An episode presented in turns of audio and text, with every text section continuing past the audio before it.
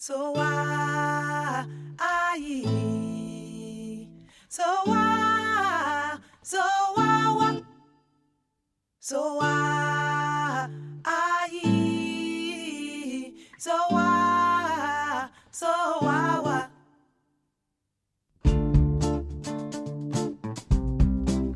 Dicen los amantes de, los trenes que este vehículo es más rápido, es más barato y puede resultar más cómodo. Y hoy les proponemos seguir montados en un tren, pero un tren especial, el que une dos países de África. Les hablamos de Tazara.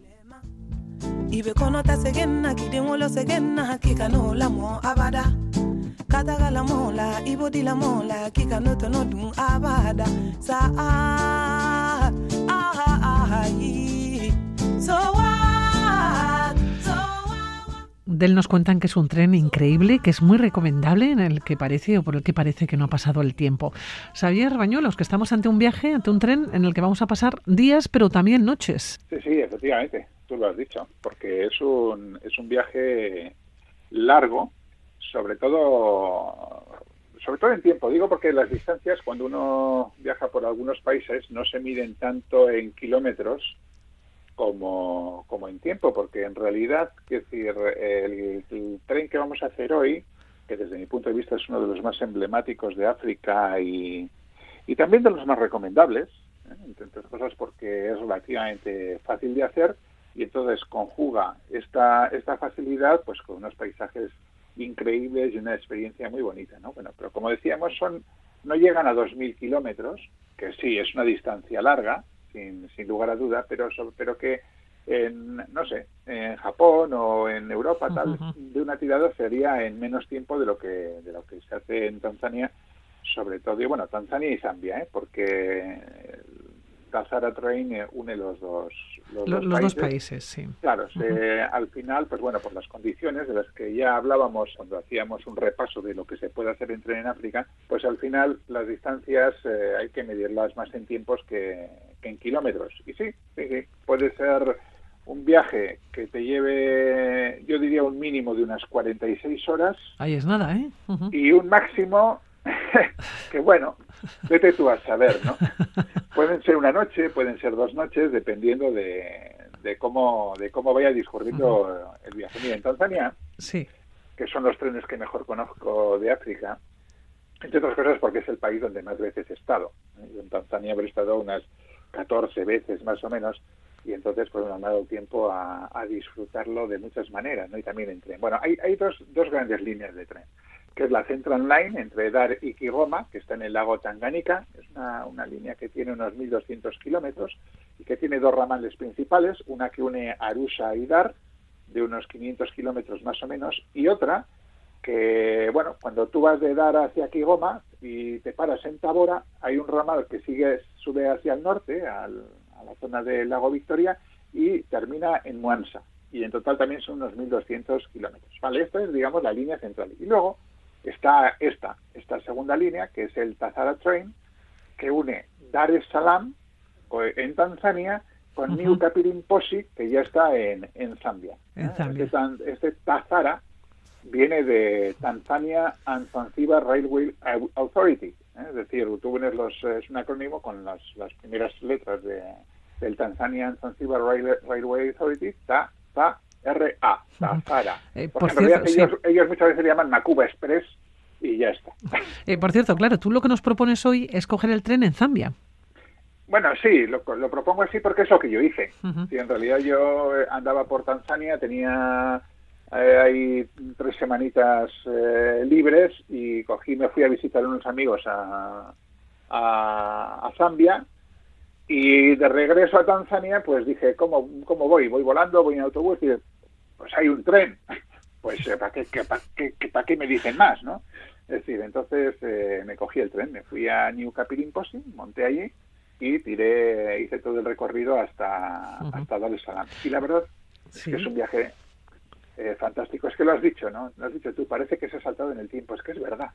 Es que es una experiencia cercana, no sé, a esos viajes victorianos que tenemos en, eh, metidos en el cerebro, que hemos visto tantas veces en películas, o hemos leído en novelas, eh, o, o, esos viajes de comienzos del siglo XX, ¿no? Con ese, con su viajar lento, con su viajar pausado, esas largas distancias por zonas exóticas. Claro, ¿cómo es, ¿cómo es el tren en sí? Porque eh, dices, parece que se ha saltado en el tiempo.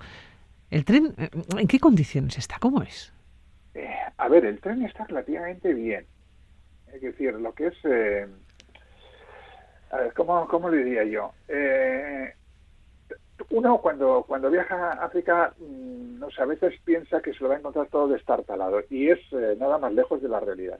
Es cierto que como son países empobrecidos que han sufrido el colonialismo bestial y después eh, la explotación sistemática por parte de las antiguas y de las nuevas metrópolis, etcétera, etcétera, etcétera, eh, han sufrido mucho en su economía y, y la situación dista mucho de ser no, no ya bollantes, muchas veces de ser algo más allá de, la supervivencia, ¿no? más allá de la supervivencia. Pero también es cierto que no todo es así. Concretamente, este tren eh, funciona relativamente bien, relativamente bien. Eh, las locomotoras son locomotoras viejas, los vagones son vagones viejos, pero que tienen un mantenimiento relativamente bueno y que además están sumamente limpios sumamente limpios. Y luego lo que es el trazado de la, de la vía, pues hombre, tiene sus, sus más y sus menos. ¿no? Eh, el tren viaja lento, no alcanza grandes velocidades. Y luego lo que pasa también es que lo que es eh, bastante poco controlable, pues es la naturaleza. Y estamos hablando de, de un trazado, eh, pues que va, si tú haces, por ejemplo, desde, vamos a ponernos en Dar Salam, ¿no? tú partes de cota cero, porque estás en, eh, a nivel de mar, eh, y luego en Capirin Posi, pues has subido, has subido bastante, y además tienes una cota máxima de 1.789 metros en la zona de Embella. Vale, entonces, toda, toda, eh, todo este trazado, que no es tan, tan espectacular desde el punto de vista orográfico como veíamos, por ejemplo, cuando hablamos del tren a las nubes, aquello ya subía a, casi 5.000 metros en, en los Andes, ¿no? pero sin embargo sí que tiene que eh, atravesar paisajes complicados desde el punto de vista orográfico, es decir, que también hacer este tren supuso una obra auténticamente titánica. Eh, entonces, claro, pues el luchar contra inundaciones, luchar contra terremotos, luchar contra ese tipo de, inclemencias, digamos, de la naturaleza, supone eh, mucho trabajo, mucho esfuerzo y mucho dinero, que a veces no hay. Entonces, digamos que el mantenimiento se hace también eh, pues en esas condiciones, como, como más o menos se puede, pero en general, en general está bastante bien. Y luego aparte de eso, está todo lo que te puede ocurrir, claro, porque estamos en África. Claro, ¿qué te puede ocurrir? Tú te montas en el tren, claro, ¿qué te puede ocurrir? Por ejemplo, que un animal salvaje, eh, no sé, se meta al medio de las vías. Bueno, eso es el pan nuestro de cada día. Sí, sí, claro. Tú te puedes, puedes ir en el tren y de repente y encontrarte con una manada de leones descansando en las vías. El tren para el tren para. O, que se te cruza, por ejemplo, eh, una manada de elefantes. Porque hemos de tener en cuenta de que eh, hemos de tener en cuenta que el, a ver, el paisaje dominante es la sabana. ¿eh? Tanto al principio, si partes de dar una sabana más costera y luego una meseta de interior. Y después subes a la meseta y luego te encuentras con unas inmensas extensiones de, de bosques ¿eh? eh, bosques eh, tropicales y bosques también de, sabana. ¿no? Eh, claro, eh, y aparte de eso, estas cruzas una de las zonas naturales, una de las reservas naturales más grandes de África, si no la más grande, que es la de Selous. pero claro, también pasa junto al Parque Nacional de Untungwa, en, Tanzania, tanto, tanto Selous como Untungwa está en, en Tanzania, y, y, muy cerquita también el Parque de Mikumi. Entonces, claro, eh, ahí, en toda esa zona, sobre todo, te puedes encontrar eso. Cualquier una cosa. Manada, que una manada de elefantes te está cruzando el, la vía. Y claro, frente a una manada de elefantes, ¿qué vas a hacer? Pues te paras. Pues paras y esperas a que, a que pasen. Y tener paciencia. Tengo la sensación que hay que tener mucha paciencia también, ¿no? Sí, sí, viajando en tren por África siempre hay que tener muy... Bueno, en general viajando por África hay que armarse de paciencia, pero que yo creo que es no es pero además lo digo no solamente porque hay que ir en es que es, que me parece que es una de las cosas más bonitas que hay es decir ir con tranquilidad ¿por qué? porque esa tranquilidad te permite disfrutar de las cosas y sobre todo te permite disfrutar de la gente, de este carácter eh, meridional, relacional que, que, hay en África, donde el contacto humano es tan sencillo, ¿no? Tan sencillo y bueno, pues te permite compartir muchos momentos tremendamente agradables. Oye, ese contacto humano eh, que has mencionado, claro, porque te encuentras con otros viajeros eh, locales, por ejemplo, que se trasladan, pero también con otros viajeros, ¿no? Que, que, te encuentras. Eh, ¿Qué es lo que lo que se comenta, no? ¿Cómo, cómo se producen esos encuentros? Pues, esos encuentros se producen pues como se producen todos los encuentros. Tú entras al vagón y te cruzas con una pareja de israelíes o con una pareja de australianos o con una pareja de, de, Barcelona. Es decir, que, ¿no? Eh, yo, por ejemplo, me acuerdo de cuando, cuando hice el este, pues viajé.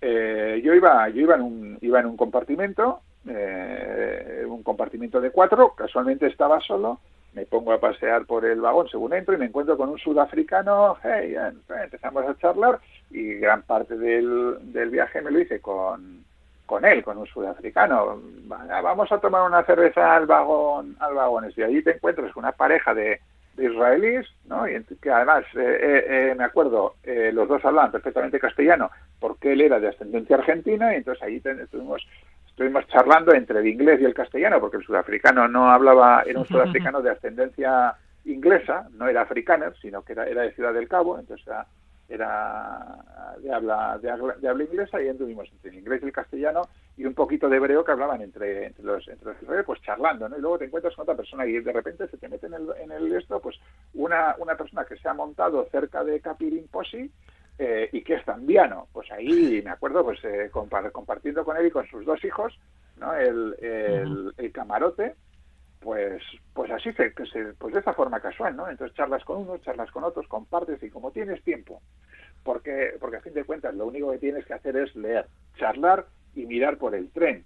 Y vivir, por, el tren, por la ventanilla, ¿no? Sí. Y, y, en cada parada, pues disfrutar del, de, de, todo el barullo que se, que se monta en las estaciones, ¿no? Desde la gente que viene a venderte cosas por la ventanilla, a la gente que simplemente viene a saludar, los viajeros que entran y salen, el paso de frontera, que es muy peculiar porque no tienes ni que bajarte del tren. O sea, tú, tú estás en el, en el vagón y entra el aduanero, te viene el camarote, Ahí te inspecciona todo, te sella y lo compone María Antonio, algo tan sencillo como eso. Y a continuar a lo largo de, como bien decías, de 48 horas más o menos, ¿no? Estos no, 1.800 kilómetros. ¿no? Yo hice dos noches. mi viaje duró más tiempo. Muchos animales, mucha fauna que se cruzó, desde luego, ¿no? O esas incidencias durante el viaje. Sí, eh, y bueno, ya te digo, y que a veces para y que tienen que hacer, no sé, pues alguna reparación, alguna historia, yo qué sé, ¿no? Es que en realidad tampoco tampoco sé exactamente todas las circunstancias. Lo que sí te puedo decir es que entre las charlas con la gente y, ir, ir mirando paisaje, que es un paisaje, como digo, asombroso, porque tiene algunos lugares que son, son espectaculares. Por ejemplo, los 158 kilómetros que hay entre, entre Macambaco y Nimba son una zona auténticamente preciosa. Mira, son complejísimo desde el punto de vista orográfico, con cañones, montañas, pasas 18 túneles, 46 puentes. Hay uno que es especialmente espectacular, que es el puente sobre, sobre el Mapanga, eh, de 50 metros de, altura.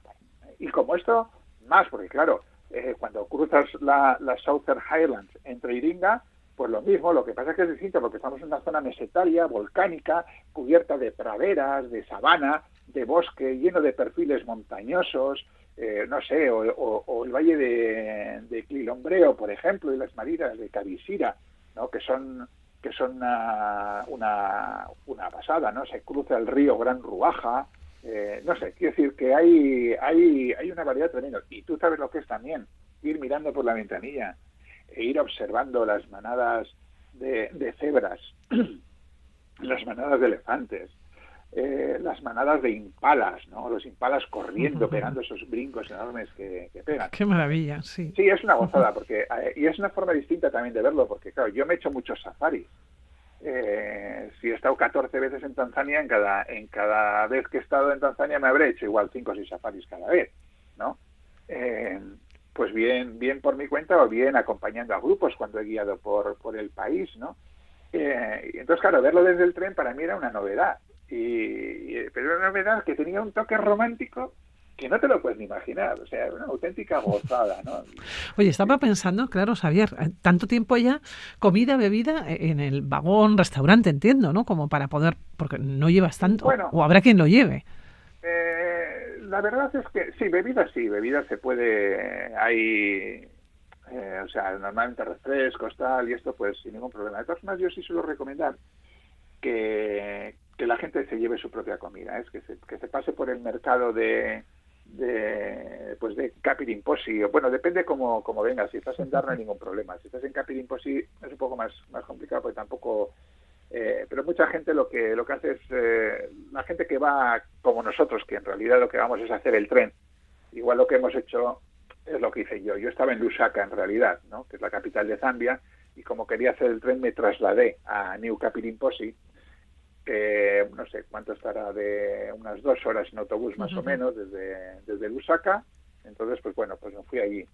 Yo, yo sí recomiendo llevar comida porque en el tren la verdad es que, en fin, deja un poco que, que desear. ¿eh? Eh, bebidas y esto sí, porque van embotelladas y entonces en principio no hay problema. Pero vamos, yo, yo, yo, yo me acuerdo que llevé, llevé comida para dos o tres días y luego sí, alguna cosa sí que piqué allí, ¿eh? arroz y algunas cosas así sí que, sí que piqué en el tren. Pero bueno, básicamente, eh, pero ya te digo, ¿eh? es todo, pero salvo eso, la verdad es que está muy bien, todo muy limpio tú entrabas en el, en el vagón eh, con las cuatro literas, cada litera con sus sábanas, su manta, eh, por si pasabas frío, y hay, hay, algunas zonas en que, en que vas a pasar frío, porque cuando asciendes a casi 2.000 metros, baja la temperatura, la zona, claro. En la zona de la meseta baja la temperatura, ¿no? Entonces, y ahí igual te pilla de noche, qué sé yo, ¿no? Entonces está ahí, ahí sí, pero los baños muy limpios, luego las, las azafatas, porque eran todo mujeres, ¿no? Eh, un auténtico encanto o sea, una atención. A ver, no se nota quizás la profesionalidad que se no puede notar en otros países, pero desde luego, digamos, esa, esa profesionalidad la suplen con creces con, pues bueno, con, con la atención que te dedican, y, con la ¿no? cercanía. Bueno, que tenemos entonces es. un objetivo, ir a Tanzania o ir a Zambia en este caso y montarnos en el Tazara. Eh, Xavier Bañuelos, que te vaya muy bien.